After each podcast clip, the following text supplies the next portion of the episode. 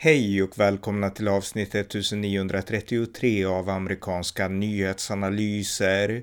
En konservativ podcast med mig, Ronny Berggren, som kan stödjas på swishnummer 070-30 28 95 0. Ny statistik visar att Storbritanniens ekonomiska återhämtning efter coronan gick betydligt bättre än vad som hittills har framkommit. Här berättar min kollega John Gustafsson mer om saken. Varmt välkomna! John Gustafsson, välkommen!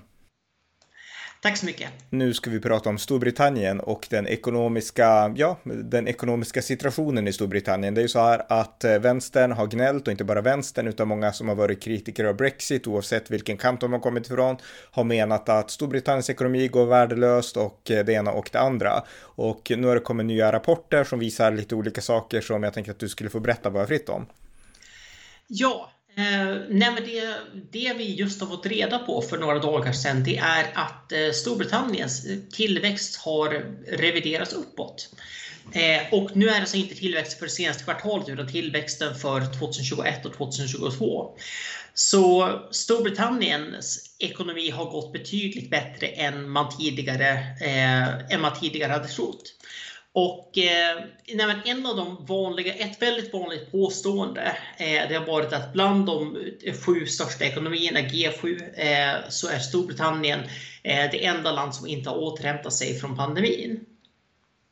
Mm. Och eh, nu visar det sig att Storbritannien återhämtade sig ekonomiskt från, från pandemin. Alltså BNP nådde samma nivå som före pandemin redan i slutet av 2021.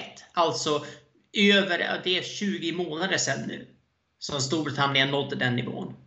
Mm. Så det, så, så det, det, det, det stämde verkligen inte alls. Och, eh, och det här visade också att av de G7-länderna så, så inte nog med att Storbritannien återhämtade sig från covid-pandemin utan man återhämtade sig dessutom snabbare än Tyskland, Frankrike, Italien och Japan. Så det var bara USA och Kanada som fixade en snabbare ekonomisk återhämtning. Mm.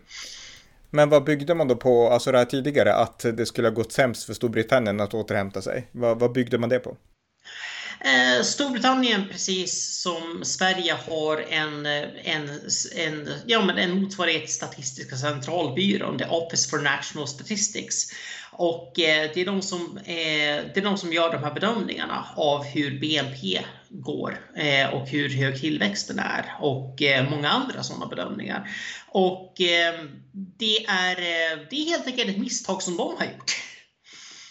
Mm. Och eh, skulle man vara konspiratorisk skulle man säga att det inte var ett misstag utan ett medvetet sabotage från aktivistiska tjänstemän. Men det har vi inga belägg för i dagsläget. Så det kan vi bara spekulera kring. Men det här är väldigt anmärkningsvärt. Dels att ett så stort misstag sker eh, och dels att misstaget inte upptäcks förrän så här sent.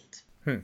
Men om vi ändå spekulerar lite grann med tanke på att misstaget är så stort. Jag menar, skulle du kunna tänka sig rent hypotetiskt då att det finns personer som är ja, men till vänster eller som var emot Brexit som gärna ville blåsa upp att nu går det värdelöst för Storbritannien. Dels för att vi har gått igenom Brexit och sagt ja till det och dels för att det är en konservativ regering som styr. Ja, det, det är fullt möjligt, tyvärr. Mm. Eh, för att eh, nej, så, här, så här stora fel brukar, brukar inte kunna ske. Och eh, och vi ska också säga, säga att sådana här fel påverkar regeringens politik. Om regeringen tror att eh, ekonomin går värdelöst, då agerar man på ett annat sätt än man gör om ah, men det är faktiskt det är ingen ko på isen.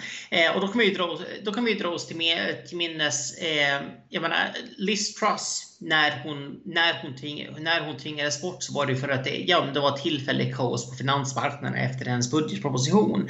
Men hade man vetat då att nej, Storbritanniens ekonomi är rätt solid, den har klarat sig Eh, helt okej okay genom pandemin ändå under omständigheterna. Eh, det är, nej men saker och, ting, saker och ting är mer eller, mindre, mer eller mindre på rätt spår ändå. Eh, då är det mycket möjligt att väljarna inte hade reagerat lika starkt på det där, att centralbanken inte hade agerat lika starkt på, på det där och att Nej men helt enkelt det är, en möj det är en möjlighet hon hade kunnat överleva om det ekonomiska narrativet inte hade varit så, så negativt redan när hon tog över. Hmm. Och det är liksom ingen snack om att Liz Truss hade fiender som var ideologiska fiender. Ja, det är, det, det, nej, det är, inget, det är inget snack om, inte minst inom hennes eget parti kan vi ju mm. tillägga. Mm. Eh, men, men, så, men alltså i så fall, ja. bara om jag får skjuta in innan jag glömmer en fråga till då. Alltså om det nu skulle vara så här att det, är, det här är ren aktivism, alltså man har dolt de sanna siffrorna av liksom aktivistiska skäl. Kommer det på något sätt att utredas om så skulle ha varit fallet? För hade det här, om det här hade skett i USA, då hade ju liksom, ja, republikanerna hade satt igång massvis av utredningar i kongressen. Eh, alltså kan, brukar Storbritannien göra likadant? Eh, så, så vitt jag vet så har man inte startat någon utredning så här långt. Eh, och jag tror att mycket av det här tyvärr hänger lite på Rishi Sunak. Eh, nu ska jag säga det, Rishi Sunak har gjort en del bra saker som premiärminister och han är bättre än alla alternativ till vänster. Men han är inte riktigt en... han har inte gett mig intrycket av att vara en fighter, om vi säger så. Hade det här varit, varit Liz Truss om hon hade suttit kvar, då hade huvuden rullat. Det kan jag väl säga. Med Sunak så, ja, jag vet inte. Sen ska vi säga det att det också på grund av det sätt som jag menar, den brittiska regeringen eh, och den brittiska statsapparaten fungerar så har man inte obegränsat eh, handlingsutrymme heller, även om man är premiärminister. Och eh,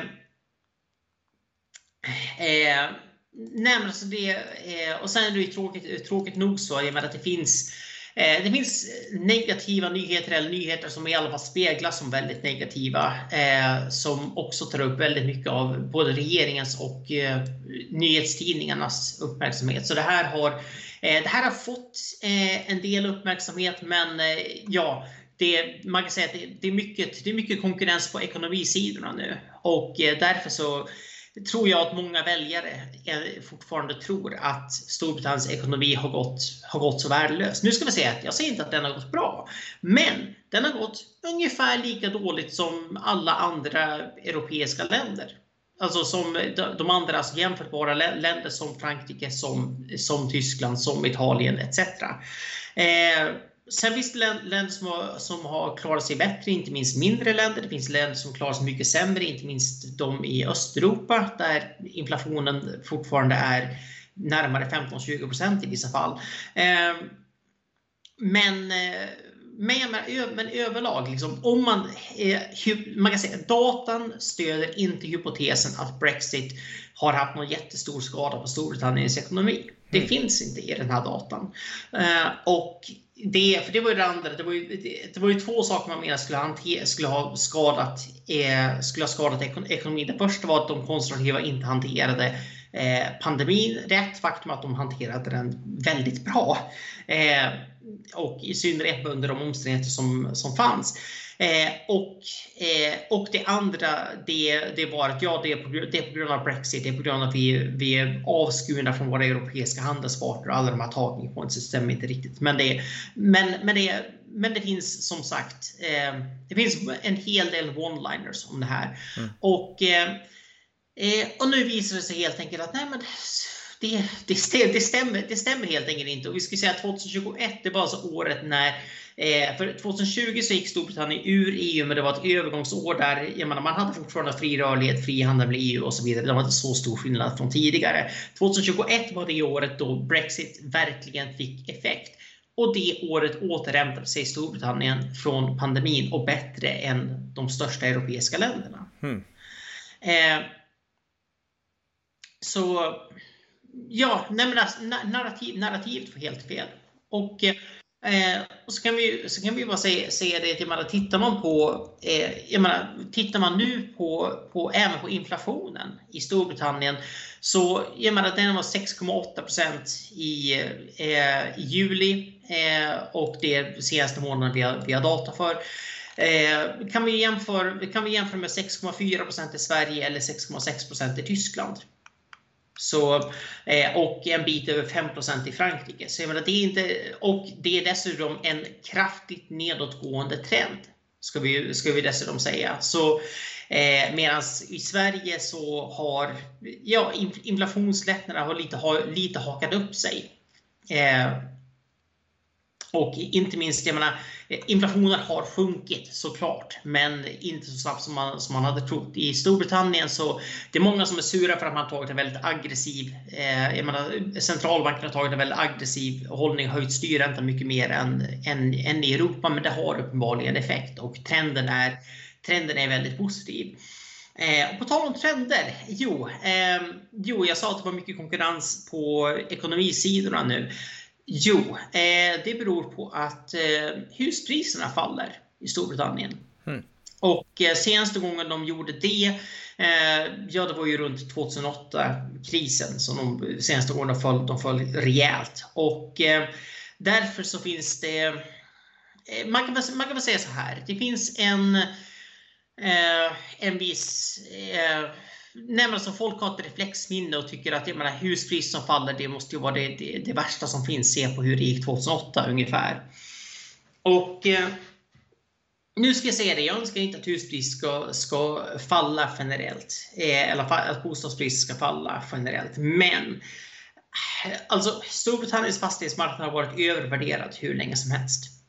Och eh, Eh, nej, alltså det är ganska logiskt att de faller tillbaka för att, att fast bostadspriser och inte bara i Storbritannien, det här kan du se om de flesta länder i Europa och Nordamerika har varit eh, nej, men upplåsta väldigt länge av onaturligt låga eh, onaturligt låga räntor. Eh, för de räntor som vi, som vi haft de senaste tio åren, de ligger långt under ett historiskt genomsnitt.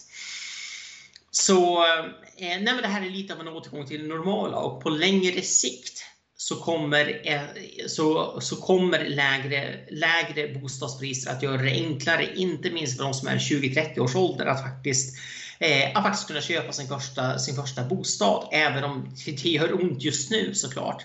Mm. Eh, problemet, eh, som ofta inom politiken, det är ju att eh, Tories börjar få slut på tid. Och eh, även om det finns positiva effekter av politiken som är längre fram, så är det eh, Ja, nej men det, det, är inte säkert att det finns tid att, att vända det, det narrativ som finns och det är inte säkert på att eh, det är inte säkert att eh, eh det, det, är helt enkelt inte säkert att väljarna hinner känna effekten av, eh, av det här. Vi skulle säga det att jag menar, eh, Labour tog, tog ledningen efter eh, efter ja, 1992-93 när Storbritannien hade en, hade en valutakris. Och eh, den ledningen som de fick då, som var över 20% den behöll de hela vägen till 1997. Trots att IT-boomen gjorde att Storbritanniens ekonomi återhämtade sig med råge. Men narrativet, bilden av Tories som ekonomiskt inkompetenta, den var redan satt vid det laget. Mm. Och eh, Tony Blair var dessutom väldigt bra på att utnyttja den ja, ja, verkligen. Men, men jag tänkte så här att eh, vi får göra ett framtida, alltså en framtida podd om hur det går i partipolitiken just nu. Men om vi håller, håller oss till det här ekonomiska, alltså den här ändå väldigt intressanta nyheten. Jeremy Hunt som är, han är ju någon form av minister, jag vet inte hur man, ska, hur, hur man säger på svenska, men han, han sa i alla fall att det här visar än en gång att eh, de som hela tiden pratade ner den brittiska ekonomin, de har haft fel, sa han. Och eh, alltså, kan det här ändå användas på något sätt av de konservativa? Eh, ja, om inte annat internt. Eh, jag är inte säker på att det kommer att övertyga, övertyga dedikerade Labour-sympatisörer, men det man, måste, det man måste få till nu i partiet är någon form av entusiasm. För nu är det så att gräsrotsaktivister vet knappt hur man ska försvara regeringen. Eh, för att när man har hört så mycket negativt om ekonomin, man känner själv i plånboken att ja, det, inte, det, det, ja, det har blivit dyrare att handla. Det har blivit dyrare att leva helt enkelt. Eh, och man, man känner inte att regeringen har väldigt tydlig politik eh, för det här. Så att eh, jag menar, det som det man det just, just helt enkelt att väcka liv lite grann i, i partiet igen. Eh, det, kan, det kan vara värt väldigt mycket. Och eh, vi skulle säga det att de, det konservativa partiet har alltid haft en väldigt stark kampanjapparat. Eh, mycket på grund av att man har väldigt många, fri, många frivilliga och man har när man har helt enkelt en väldigt stark, eh, väldigt stark gräsrotsorganisation plus att man har eh, otroligt bra, eh, alltså otroligt mycket kompetens, kompetens i toppen också när det gäller kommunikation. Eh, på den punkten har man alltid slagit Labour och det är därför som eh, med undantag för 2017 så känner jag inte till en enda valkampanj där eh, där de konservativa inte har presterat bättre i slutresultatet än vad opinionsmätningarna i början av kampanjen sa att de skulle. Eh, man, brukar, man brukar kort sagt ha en väldigt, väldigt stark slutspurt. Man är väldigt bra på message discipline. Men då måste man bestämma sig för vad budskapet är. Och kan man då säga, jag menar, kan man verkligen hamra in det här att ekonomin har gått bättre än de sa. Vi är inte i, låg, i lågkonjunktur, i alla fall inte just nu.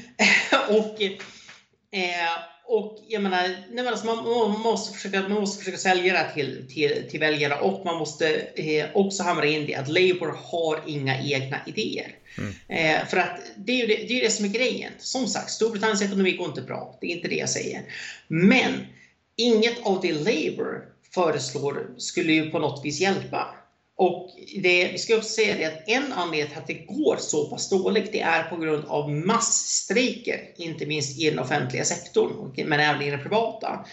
Och där kan man ju säga att jag menar, Labours lösning, lösning på det, jag menar, i den mån de har en lösning alls så är det ju att ge efter för kraven, vilket skulle dels blåsa upp budgetunderskottet, sätta fart på, infl på inflationen, eh, jämfört för, löneökningar driver inflation, det har vi vetat i i hundra år minst. Eh, jag menar, det, jag menar okej, okay, vad, vad är lösningen? Fackföreningarna stöder, stöder ert parti. Det är det man måste, det man måste betona. Fackföreningarna stöder Labour. Om Labour vill skulle de helt enkelt kunna säga åt fackföreningarna redan, redan nu, nu får, ni, nu får ni lugna ner er. Men eh, för jag menar, det finns inte budgetutrymme vad man, än, vad man än önskar. Det finns inte budgetutrymme för att, för att ge efter. Det finns inte. Eh, det skulle man kunna göra väldigt tydligt. Man skulle kunna säga redan, redan nu att jag menar, de här strejkerna är meningslösa för även om jag menar, vi kommer inte heller att ge efter för de här kraven. Eh, men det gör man inte. Och, det, och, och, det sitter ju liksom vänster, jag menar i Storbritannien har vi liksom eh, fackföreningarna som är väldigt liksom knutna till Labour. I Sverige är det inte likadant längre. Men här i Sverige har vi invandringsfrågan, där, där intressegrupperna från det hållet är väldigt knutet till Socialdemokraterna och de kan inte bryta med det för då bryter man med liksom, liksom viktiga väljargrupper. Ja, och det är ju något som, och det är något som de konservativa här faktiskt, kan, här faktiskt kan utnyttja. Och just att fackföreningarna, de som strejkar, kräver löneökningar som är mycket, mycket högre än vad de genomsnittliga britterna har fått. Och det är ju något som Margaret Thatcher utnyttjade väldigt effektivt kring, eh, kring 79 för att vända folket mot, eh, mot strejkerna. Mm.